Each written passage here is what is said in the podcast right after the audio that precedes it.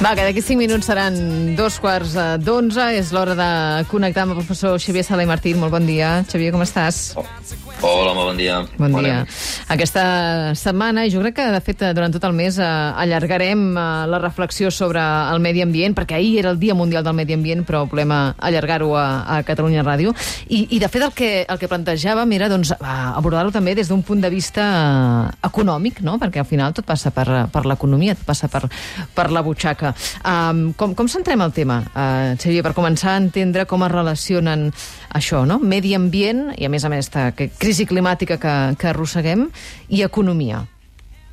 A veure, l'economia, la, gent, no, la gent es pensa que l'economia és allò, estudiar com fer-se ric, o estudiar els diners, o la macroeconomia, no? l'atur, la inflació i tal, però l'economia també s'encarrega d'estudiar, eh, o de fet hi ha una branca sencera de l'economia que s'encarrega d'estudiar alguns tipus de productes que anomenem productes que tenen externalitats. Eh?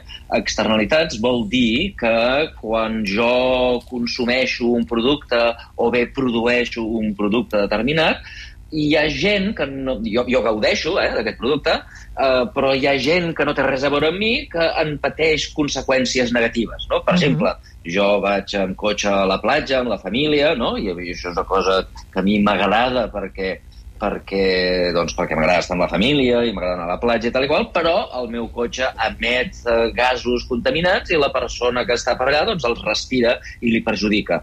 Jo tinc una fàbrica de paper Uh, i doncs la fàbrica que, que està molt bé que fem paper perquè tothom fa servir papers vosaltres a la ràdio feu servir papers a les escoles fem servir papers però eh, el, la fàbrica doncs, contamina el riu. Els turistes envaeixen les platges i els locals doncs, es queden sense lloc per a la platja. La central elèctrica fa electricitat, cosa que és molt xula perquè tothom vol tenir electricitat a casa per mirar la tele, per mirar l'iPad, per, per la nevera o per fer llum, eh, però emet CO2 i això té conseqüències negatives per tothom pel descalfament global. Però fins i tot temes més prosaics eh, tenen externalitats. Per exemple, tothom s'ha trobat a l'avió, eh, eh, que està sentat a l'avió, i de sobte la persona que tens davant reclina el seient. Uh -huh. eh? Mhm. I això té una externalitat. La persona que està davant, doncs, òbviament, està més còmoda perquè pot reclinar el seient, però tu treu un espai perquè tu estaves mirant el, el, el teu iPad o el que sigui i, pum, de sobre te posa el seient i no pots mirar, no? O, o quan jo fumo, eh, doncs la persona que està al costat es, es, es, es, es pren el fum. I fins i tot hi ha, una, hi ha exemples de coses que ni, ni se'ns passen pel cap que són externalitats, eh, que quan jo ho faig em beneficia a mi, però perjudica uns altres, com és prendre antibiòtics. Ai. Sabeu que els antibiòtics el que fan és que a banda de guarir a la persona que està malalta, doncs fa que els bacteris es tornin una mica més resistents. Sí. Eh?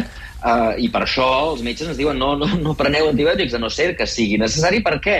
Doncs perquè sí, jo em beneficio dels antibiòtics perquè em guareix a mi, però Uh, això fa que les persones del futur doncs potser no puguin ser guarides mai per antibiòtics perquè arribarà un moment que els bacteris es transformaran en superbacteris resistents a tot tipus d'antibiòtics i per tant no només uh, estaran malalts sinó que es poden morir. És a dir, que com a conseqüència de que jo prenc antibiòtics les persones, algunes persones del futur poden acabar morint. Tot això és el que anomenem externalitats i els economistes doncs, ens dediquem una bona part del nostre temps a estudiar eh, no només les conseqüències, sinó com poder-les eh, afrontar. Uh -huh. I, I llavors com, com ho podem afrontar, això? Eh, S'ha de passar per la prohibició, per la regulació? Com, com s'afronta? No, clarament prohibir-ho és contraproduent. Eh? Uh -huh. Si prohibeixes els antibiòtics, què passa? Doncs que la gent que es podria curar doncs no es, no es cura. Eh? Uh, si prohibeixes reclinar el seient de l'avió, doncs la persona que està davant anirà més incòmoda. Si prohibeixes fumar, la persona que vol fumar doncs es surt perjudicada. Si prohibeixes els cotxes, la gent... És, és, és a dir, sí que soluciones l'externalitat, però causes un perjudici molt més gran, potser, del que caldria, no?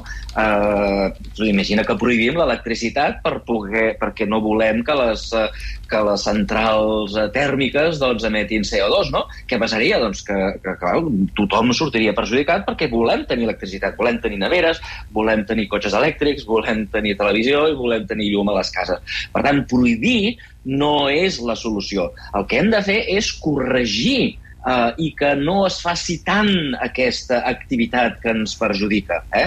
Potser no... O, o, o, o el que volem és que, que, que es faci aquesta activitat, però d'una manera que contamini menys. És a dir, volem que les centrals tèrmiques deixin de funcionar i cada dia funcionin més doncs, centrals de tipus solar o de tipus eòlic o centrals que, no, que generin electricitat sense contaminar tant. Eh? Mm. Uh, no volem prohibir l'electricitat, volem que s'innovi que es creïn noves tecnologies que permetin tenir els beneficis de l'activitat, la, eh? que puguem anar amb cotxe, que puguem anar amb avió, que puguem tenir electricitat, que puguem anar a la platja, però que no, tingui, que no tinguem els perjudicis de l'externalitat. Per tant, la prohibició no seria l'objectiu, l'objectiu seria la reducció i la, induir a les empreses a que innovin, a que facin la mateixa activitat d'una manera molt més diguem-ne, civilitzada, amb mm -hmm. menys externalitats. Mm -hmm. Per tant, eh, aquesta reducció amb, amb, amb impostos, amb, amb regulació, amb,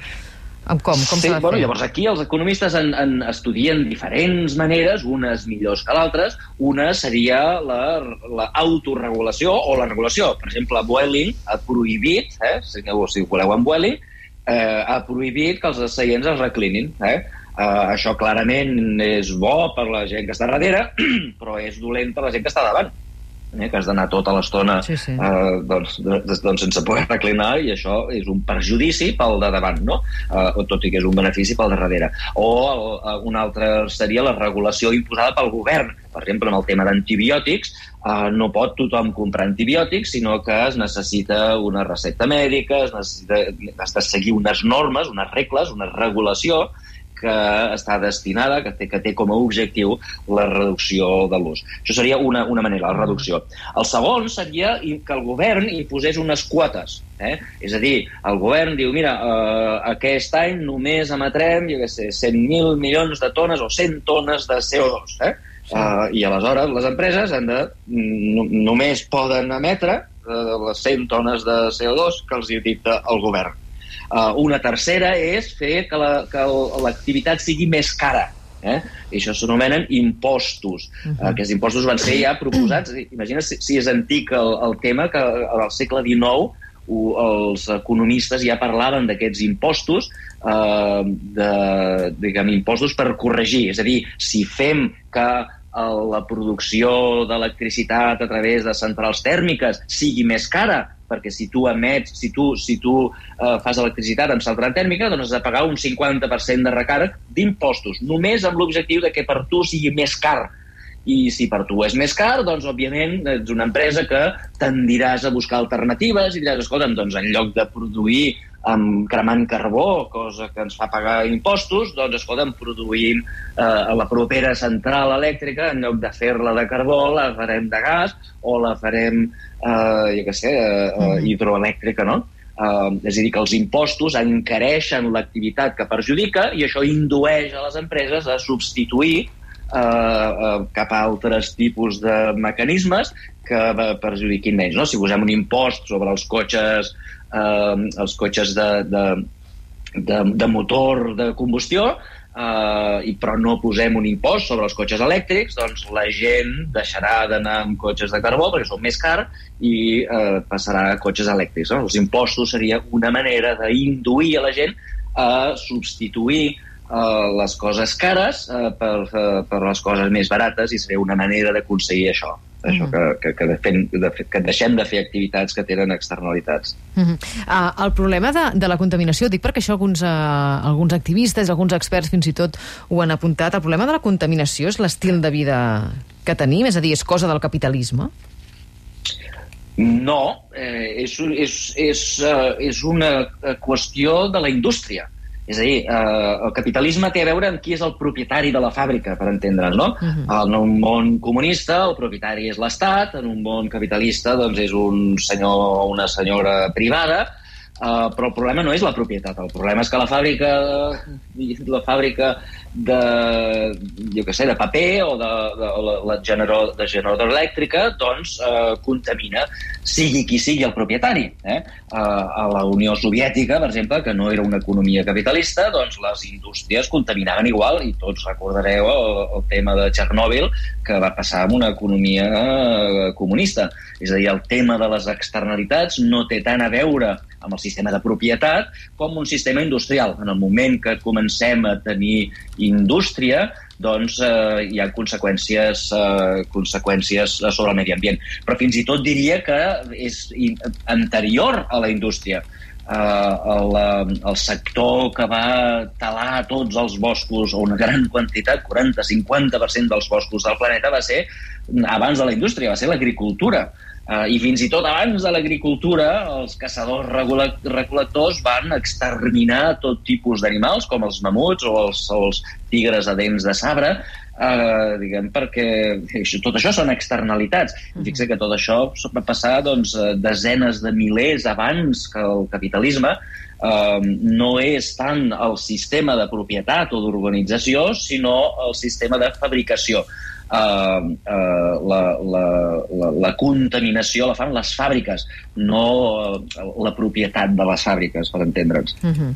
-huh. Dit això, sí que és veritat que el sistema que tenim ara, basat en un sistema global, Um, recordeu, el sistema global que es va, des de que va caure la Unió Soviètica, vam con, con, convertir el planeta en un centre de producció global el que anomenem la globalització o hiperglobalització, que eh, queda reflectida en aquests, contain en aquests vaixells plens de containers que van d'un país a l'altre, eh, on les, els productes es fabriquen una peça aquí, una peça allà, i llavors els productes, les peces es posen a dins d'aquests containers que van de port en port, els que hagueu anat al, al port de Barcelona haureu vist eh, milions de containers amb, i, i, i unes grues que els van movent d'aquí cap allà, els posen als vaixells, el vaixell se'n va d'aquí cap a Xangai, de Xangai cap a Perú, de Perú cap a no? i van, van mhm. donant voltes al món. I clar, uh, això és perquè és molt més barat produir una bicicleta, en sí. lloc de produir-la tota a Sabadell, doncs la produïm un trosset a cada país, no? Uh, si posessin impostos, perquè sabem que aquests vaixells contaminen, i diguem, escolta, posarem un enorme impost sobre els vaixells, a lo millor sortiria a compte que a Sabadell fessin bicicletes, que a Perú fessin tota la bicicleta, que a Perú fessin tota la bicicleta, que cada país fes totes les seves pròpies bicicletes, i així ens evitaríem que més containers anessin d'un lloc cap a l'altre, um, però això també tindria conseqüències, eh? Uh, conseqüències negatives, perquè recordeu que gràcies a aquest sistema, uh, per exemple, als anys 80, uh, la major part de gent pobra del planeta Terra era, eh, era eh, eh, gent asiàtica. Els asiàtics, la major part de la pobresa del món era Àsia. Gràcies a aquest sistema global doncs, hem aconseguit que 4.000 milions d'asiàtics, 4.000 milions de persones que l'any 70-80 eren pobres, incloent 1.400 milions de xinesos, doncs tota aquesta gent que eren pobríssims abans de la globalització, doncs ara tinguin un nivell de vida molt per sobre del que tenien i molt per sobre de països que no estan integrats, com per exemple uh mhm. -huh. els països africans. I... Per tant, eh, tot, tot, tot té conseqüències positives i negatives, perdó. Uh mm. -huh. I, I la tecnologia, eh, Xavier, quin paper hi pot jugar en tot plegat? En, ens pot ajudar a resoldre tot aquest, eh, tota aquesta situació? A veure, jo crec que al final la solució sempre serà tecnològica. Sempre serà tecnològica. El tema de l'emissió del CO2 no l'arreglarem fins que trobem maneres de fer les coses, per exemple, de transportar eh, o de fabricar eh, que no emetin CO2. Mentre eh, el, que no, el que no aconseguirem és que la gent deixi de fer servir el cotxe. El que no aconseguirem és que la gent deixi de fer servir paper. Yeah. Eh, el, el que hem d'aconseguir, el que ha d'intentar tota la política és induir a les empreses a que substitueixin el que fan per eh, tecnologies que contaminen menys o que se les inventin. És a dir, hi haurà un moment, que no sé si està molt llunyà o molt proper, uh, jo crec que està bastant proper, vist el, el preu de l'energia solar a través del temps. Fixeu-vos que el preu de l'energia solar era altíssim fa, fa molt pocs anys i ha anat baixant, baixant, baixant, baixant, baixant. Arribarà un moment que la fabricació d'electricitat eh, a través de l'energia solar i l'emmagatzament de l'energia de l'electricitat que s'ha generat amb l'energia solar serà tan barat, tan barat, que no voldrem fer servir el petroli. El petroli serà molt més car i en aquell moment s'haurà arreglat el problema. Però fixeu-vos que això és una solució tecnològica. Algú ha d'invertir uh, per inventar aquestes tecnologies uh, perquè, diguem, aquestes tecnologies que no contaminen. Uh mhm. -huh. No només que no emetin CO2, sinó que no emetin cap altre tipus de, de químics.